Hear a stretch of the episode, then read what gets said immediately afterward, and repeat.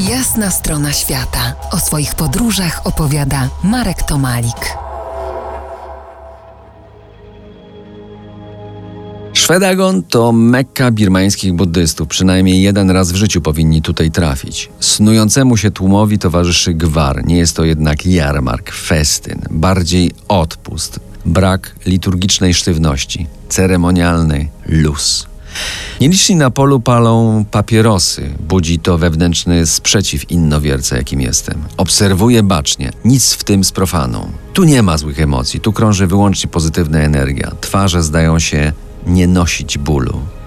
Pielgrzymi często zaczepiają mnie. Życie duchowe jest szlachetną przyjaźnią, którą trzeba się dzielić, miał Buddha powiedzieć. Chcą chwilę porozmawiać, obejrzeć z bliska kawałek niedostępnego im świata, wymienić adresami. Pytają skąd jestem i czy podoba mi się Mianma.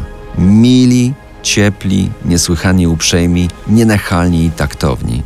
Skromnie, ale czysto i gustownie ubrani. Godność noszą wyżej biedy.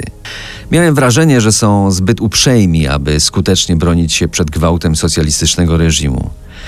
Były to jednak tylko pozory. Birmańczycy od lat prowadzili ukrytą i jawną walkę z panującymi. Ich najjaśniejszą nadzieją i przewodnikiem po świecie upokorzeń pozostawała charyzmatyczna Aung San Suu Kyi, laureatka pokojowej Nagrody Nobla, obecnie głowa państwa. Do Szwedagon wróciłem dzień później. Raniutko, o 4.30 na obrządek święta pełni księżyca. Był przedświt. Stupę wypełniał księżyc oraz nieliczne latarnie. Majestatyczny głos gongów i dzwonów ze wszystkich kaplic wprawiał w trans. Tłumy wiernych, setki mnichów szczelnie wypełniły tarasy spacerowe wokół stupy. Wszyscy w niemym ruchu. Część mnichów w bocznych kapliczkach bezgranicznie oddawała się mantrowaniu. Klęczeli na matach. Opierając cały ciężar na stopach, wydawali się nieobecni. Nikt nie sprawdzał biletu wstępu, bo nie było żadnych innych białych turystów. Zginąłem w szkarłatnym tłumie. Nikt nie zwracał na mnie uwagi, nie zaczepiał. Może to jeszcze sen.